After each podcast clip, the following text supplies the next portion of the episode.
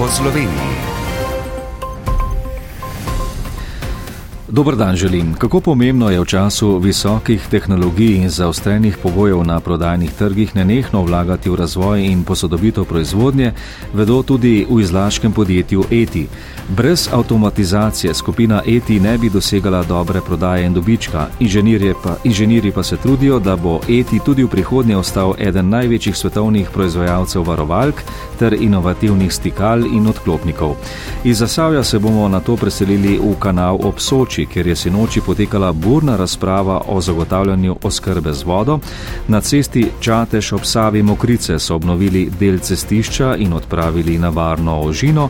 Na blidu so k razpravi o prenovi igralskega kopališča povabili domačine. Na vrhniki se sodobnega plesa učijo tudi starejši, ki s tem krepijo ravnotežje in um. Na tuju pa poteka mednarodno tekmovanje osnovnošolcev v robotiki. Z vami v človeški obliki sem Rok Valenčič. Skupina ETI, največji zasavski zaposlovalec in eden večjih slovenskih izvoznikov, je lansko leto kljub zahtevnim razmeram na trgih in visokim cenam energentov poslovno leto končala nad zastavljenimi cilji. Bo pa dobiček vseeno nekoliko nižji oziroma podoben tistemu iz leta poprej in se bo gibal okrog 10 milijonov evrov. Kljub pričakovanemu ohlajanju nekaterih trgov tudi v letošnjem letu načrtujejo okrog 10 odstotno rast prodaje. Karmen Štranca Rajevec. Kljub zahtevnim razmeram, ker seveda izstopajo visoke cene energentov, so v minulem letu dosegli visoko rast prihodkov. Generalni direktor Etija Tomaš Berginc. Skoraj 17 odstotkov. Dobiček bo nekoliko manjši, na kar so vplivali cene energentov. Plin je bil v poprečju dvakrat dražji, elektrika pa trikrat dražja kot leto prej. Cene za leto 2023 so še približno 20 odstotkov više, kot so bile poprečne lanske cene, z upoštevanimi vsemi subvencijami, ki jih pričakujemo od države. S pomočjo države velikim podjetjem pri obvladovanju cen energentov pa niso najbolj zadovoljni velikih podjetjih in tudi v okviru gospodarske zbornice Slovenije smo si vse čas prizadevali, da bi se z vlado dogovorili za eno cenovno kapico za ceno elektrike in plina. Na koncu lahko vidimo, da so pravzaprav vsi segmenti to cenovno kapico dobili, razen velikih podjetij, ki smo pač zdaj odvisni od subvencij na osnovi enega posebnega zakona. Sigurno smo do neke mere razočarani, po drugi strani je pa subvencija vsaj bolje kot nič. Razlog v še vedno relativno visokem dobičku je seveda v stalnem posodabljanju tako izdelkov kot proizvodnje. Glavno vlogo igra pri tem avtomatizacija. Če mi ne bi v lanskem letu zopet uvedli nekaj novih avtomatiziranih procesov, ne bi niti tega dobička, ki smo ga dosegli, uspeli doseči, ker bi nam enostavno podražitve na vhodu, tako materijala kot energije, pobrale kar velik del dobička. V naslednjih štirih letih bodo v avtomatizacijo vložili nadaljnih 55 milijonov evrov, večina investicij bo v Sloveniji, trenutno eno največjih zaključujejo v izlaškem etiju. Zaključujemo avtomatizirano proizvodnjo novega inštalacijskega odklopnika. Pričakujemo, da bomo začeli v roku dveh, treh tednov tudi že s trojizmenskim delom, do zdaj smo na dvojizmenskem, kar pomeni, da se stvar zelo dobro prijema in bo dala nekaj efektov sigurno v tem letu.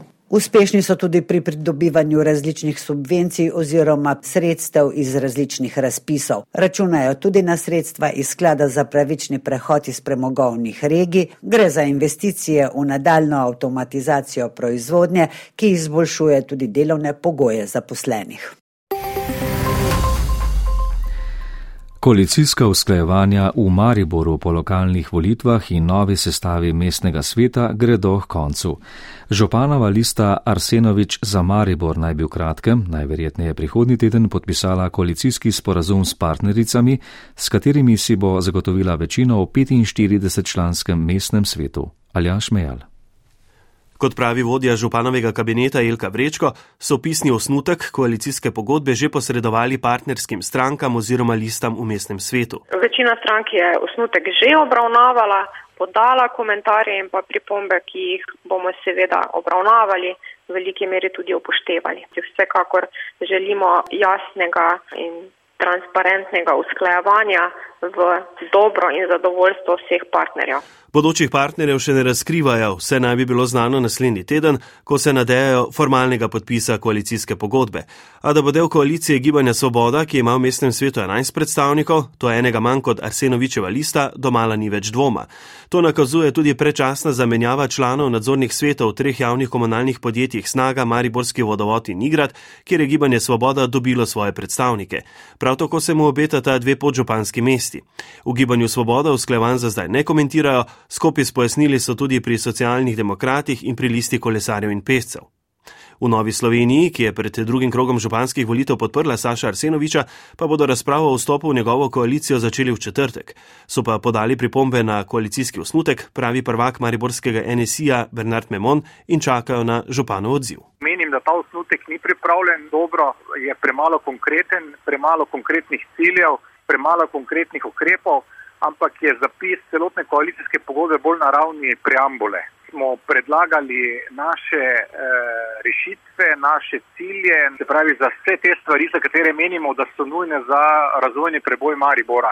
Nekaterih strank župan ni povabil na pogajanja. V listi Franca Kanglerja z osmimi svetniki so tako že pred časom napovedali, da bodo konstruktivna opozicija. Med večjimi predstavniki v mestnem svetu bo v opoziciji tudi SDS. Negativno mnenje računskega sodišča o poslovanju občine Kanal ob Soči v letu 2020 je na sinočni seji občinskega sveta povzročilo žgočo in polemično obravnavo. Najbolj so svetnike razumele ugotovitve revizije o zagotavljanju oskrbe z vodo, predvsem v povezavi z obnovo vodarne močila in o ustanovitvi Zavoda za zeleni razvoj Soške doline. V obeh primerjih je kanalska občina sklenila partnersko sodelovanje s Salonitom Anhovo. Podrobneje Walter Pregel. Prevzemanje nedorečenih obveznosti pri obnovi vodarne močila, Zavod za zeleni razvoj Soške doline pa so leta 2020 ustanovili v nasprotju zakonodajo, ugotavljajo iz revizijskega poročila v novi občinski upravi kanala ob Soči. Zato je lista za zdravje in kakovost bivanja predlagala izstop občine iz omenjenega zavoda in z enajstimi glasovi proti šestim so svetniki to izglasovali. Mateja Sattler. Občina zasebnega zavoda kot prvo ne potrebuje. Vse aktivnosti, ki jih je zavod izvedel in teh je izjemno malo, lahko izvaja občina sama oziroma javni zavodi sami. Jaz mislim, da to za občino ni v redu. Konc koncu eh, je neka eh, evropska perspektiva, kjer so ogromna finančna sredstva v naslednjem sklopu namenjena za zeleni prehod in jaz mislim, da je to korak nazaj meni Vladimir Kolmančič SD in odziv predsednika Sveta Zavoda za zeleni razvoj Soške doline Branka Dolenca. Ja, mislim, da je to sklep iz neke jeze, iz nekega nerazumevanja vloge zavoda. Čim prej morajo zagotoviti navezavo na vodovod Mrzlek in se s Salonitom dogovoriti o obveznostih izstopa iz skupnega zavoda, poudarja župan Miha Stegel. Odziv na revizijo pa? Mi moramo kot občina podati v 90 dneh odzivno poročilo. V tem času bomo tudi preučili pravne posledice oziroma ustrezno ukrepanje, če bo to nakazalo, da je potrebno. Od sinoči ima občina kanal ob Soči pod županji. Poklicno Valentino Humar z liste za zdravje in kakovost bivanja ter nepoklicno Barbaro Fajdiga Perše iz gibanja Svoboda. Na cesti Čateš ob Savi Mokrice, ki je usporedna z avtocesto proti obrežju in je zaradi izogibanja plačilu vinjete tudi zelo prometna, je končana skupna naložba občine Brežice in direkcije za infrastrukturo. Z njo sta obnovili del ceste in odpravili nevarno ožino. V krajevni skupnosti Jesenice na Dolenskem pa opozarjajo, da je še kar nekaj kilometrov cest uničenih in potrebnih prenove. Suzana Vahtarič. Eden najpomembnejših ciljev skupnega projekta občine in direkcije je odprava nevarne zožitve na državni cesti v Podgračenem, kjer se dve vozili niste mogli srečati in na razširitev so čakali vse od spostavitve avtoceste. Tako župan občine Brežice Ivan Molan končno po več kot 20 let prizadevanja uspela urediti eh, zoženje na cesti podgrečeno. Predvsej zahteven poseg, kajti bi bilo potrebno narediti kar precej nekih upornih zidov, pločnika in pa ceste. To nam je zdaj uspelo skupaj z direkcijo in tudi se sofinancira, tako da me veseli, da smo nad res precej navarni cesti od Čateža do Brežja uredili en navarno odsek. Povečanje prometne varnosti na tem odseku ceste so zagotovili z odpravo ožine, izgradnjo pločnika, ureditvijo avtobusnih postajališč, izgradnjo cestne razsvetljave, ureditvijo odvodnjavanja in ustrezno prilagoditvijo infrastrukture, kjer so ponekod zaradi utesnjenosti trase izvedli podporne zidove. Kot pravi predsednik Krevne skupnosti Jesenice na Dolenskem Alež Burja, Glede podjočenega, to smo leta in leta čakali, razširitev ceste, ločnik od javne razsvetljave do te ostale infrastrukture. Tudi so zdaj avtobuse postaje urejene, tako da so tudi sami domačini zelo zadovoljni. Je pa še odsek naprej, odsek eh, Ribnica, kjer je tudi to zožano, prometa imamo vsak dan vse več, ker je teh dnevnih migrantov. Je tu dosti povečan promet, ne grejo po avtocestah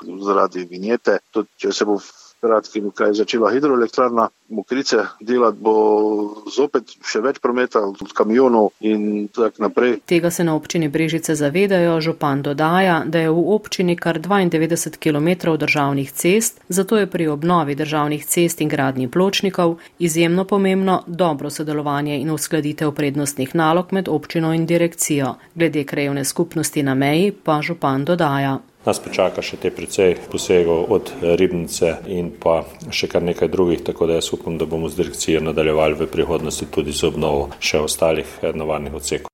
Investicija v podgračenem je vredna približno 750 tisoč evrov, od tega direkcija prispeva okoli 560 tisoč evrov, preostanek je delež občine. In kaj boste slišali v nadaljevanju odaje? Na Bledu bodo pred prenovo Grajskega kopališča o tem poprašali domačije, domačine. Pokrajinski muzej Ptuj Ormož je imel lani zelo dober obisk. Največ obiskovalcev so našteli na Ptujskem gradu, v teh dneh pa bo muzejsko vodstvo prejelo idejno celostno zasnovo krajinske arhitekture Grajskega kompleksa. Na vrhniki izvajajo tudi sodobni ples za starejše, ki pripomore k svežemu umu in telesu. Ob koncu pa gremo še na Ptuj, kjer poteka mednarodno tekmovanje osnovnošolcev v robotiki.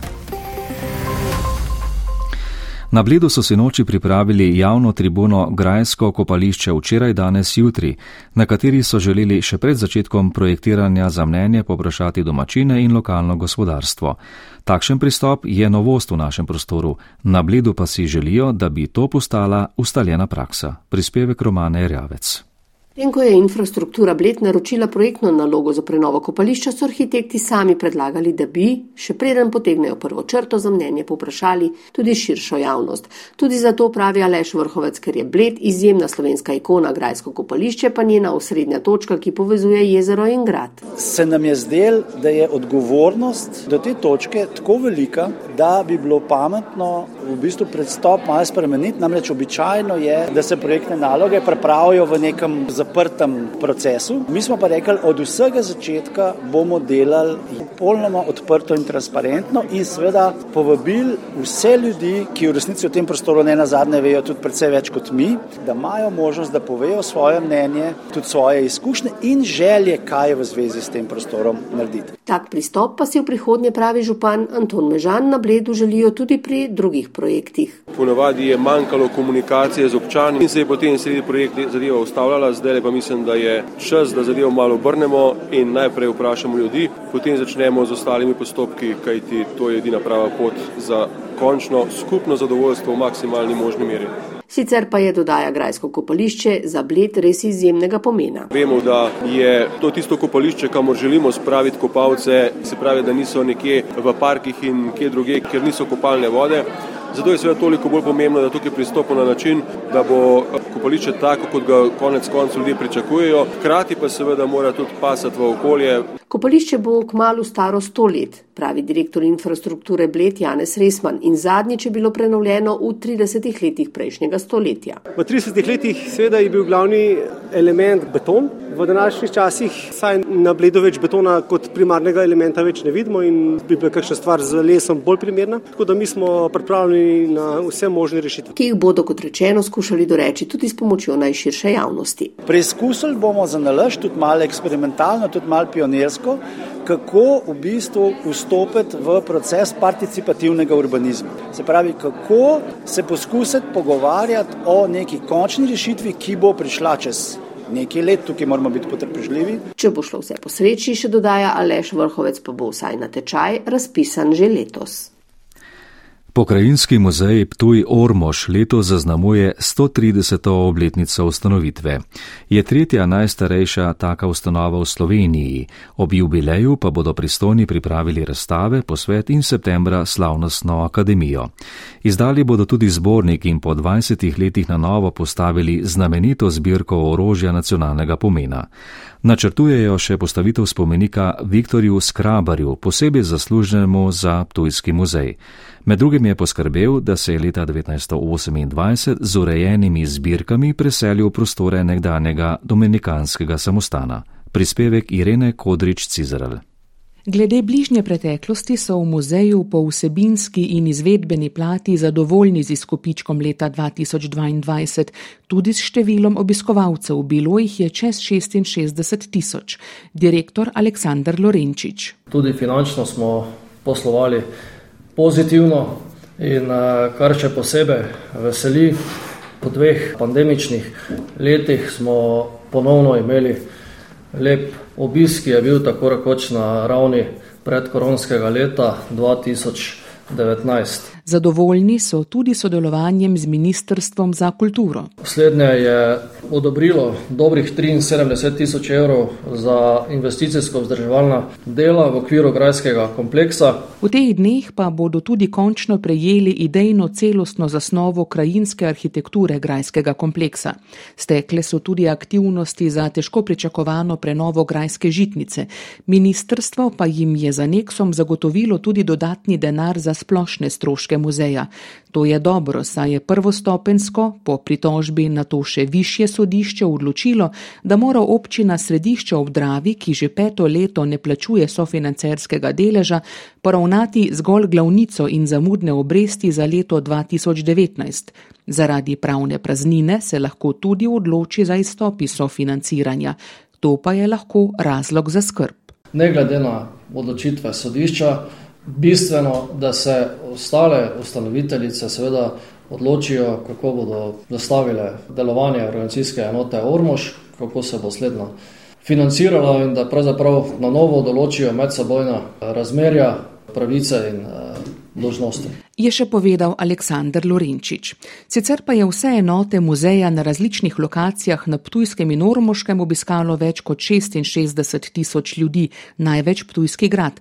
Kustosinja Renata Čeh razloži, da so lani prišli iz kar 76 držav, poleg slovencev pa da izstopajo mačari in francozi. In smo jih seveda tudi poprašali, kaj jih je navdušilo za obisk eh, Slovenije in Ptuja. Kaj mislite, kaj je to? Kolesarstvo, roglič in pogačar. Če se bo tak trend obiska nadaljeval, bodo v muzeju še zadovoljnejši. Samo v prvih šestih dneh tega leta so namreč našteli 603 obiskovalce iz 21 držav. Po Sloveniji. V okviru Univerze za tretje življenjsko obdobje na vrhniki drugo leto zapored izvajajo tudi program sodobnega plesa. Skupina plesavk se ga udeležuje enkrat na teden po dve uri. Plešejo v manjši dvorani knjižnice. Kot poudarjajo, ples pomaga pri ohranjanju vitalnosti telesa, duha in uma. Na eni od ur plesa jih je obiskala Nina Brus.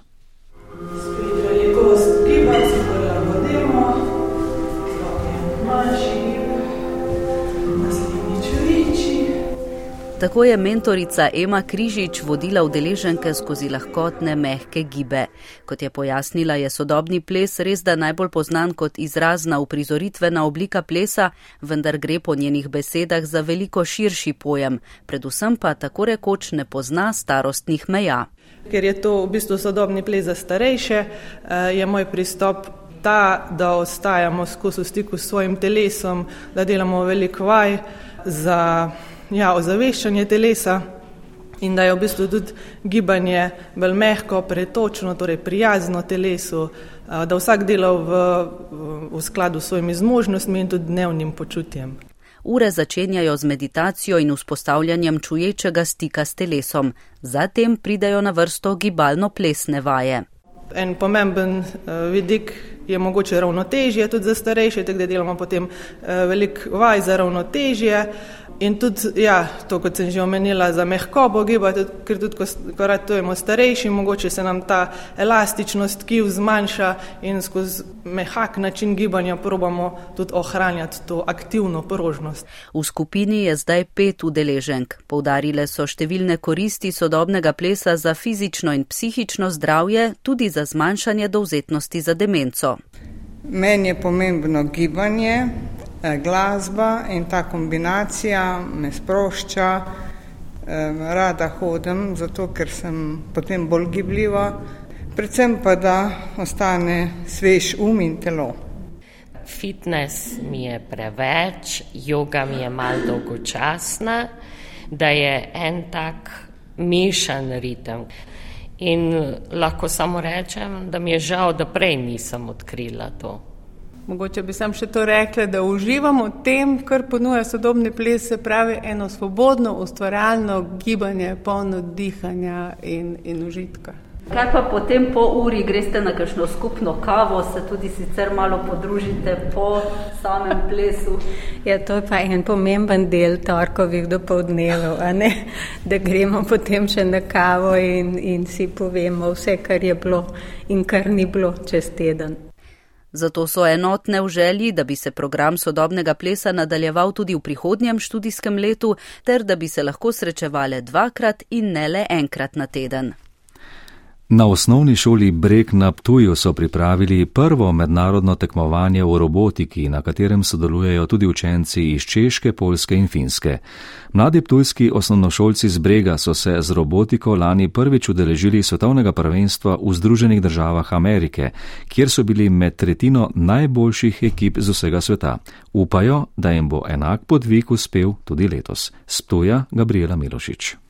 Devetošolci Maruša, Hanna, Adam in Tadej že leta spoznavajo, sestavljajo in programirajo robote. Uh, smo pa sestavili robota, ki pobira vse nastavke na polju. Za nas je bil najtežji nastavek za roko. Zdi se mi zanimiv izziv ugotoviti, kako kaj narediti z temi omejenimi deli. Uh, to rešitev smo našli z veliko poskušanja in um, uporabo inspiracije, tako da smo uh, več ur razmišljali in na koncu prišli do najboljše rešitve uh, za našega robota. Na prvo tekmovanje v robotiki v Sloveniji so prišli tudi mladi osnovnošolci iz Polske, Češke in Finske, Tomaš iz Češke in Noel iz Finske.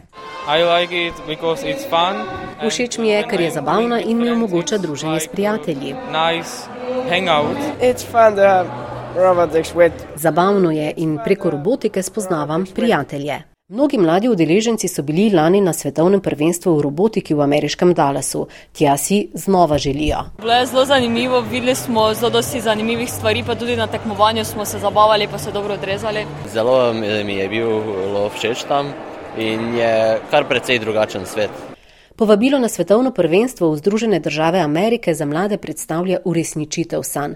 Pot do tja pa je dolga, predvsem pa draga. Sredstva morajo namreč zbrati sami, ravnatelj osnovne šole Brek Milan Fakin. Je pa ta udeležba zelo, zelo odvisna od tega, kje bi dobiti sredstva. To smo popolnoma odvisni od sponzorjev. Potrebujemo za tašno udeležbo, cirka 12-13 tisoč evrov minimalno. Uresničitev otroških sanj bo tako v veliki meri odvisna od velikodušnosti odraslih. K zadnjemu prispevku dodajam še to, da človek danes živi kot robot, je mehansko učinkovit, a pogosto brez zavedanja. To je bilo v tej oddaji vse, jutri bo na sporedu nova z novimi vsebinami. Do takrat lep pozdrav in nasvidenje. Poslušali ste oddajo po Sloveniji, urednik Dušan Milič, voditelj Rok Valenčič, tonski mojster Grega Žumar.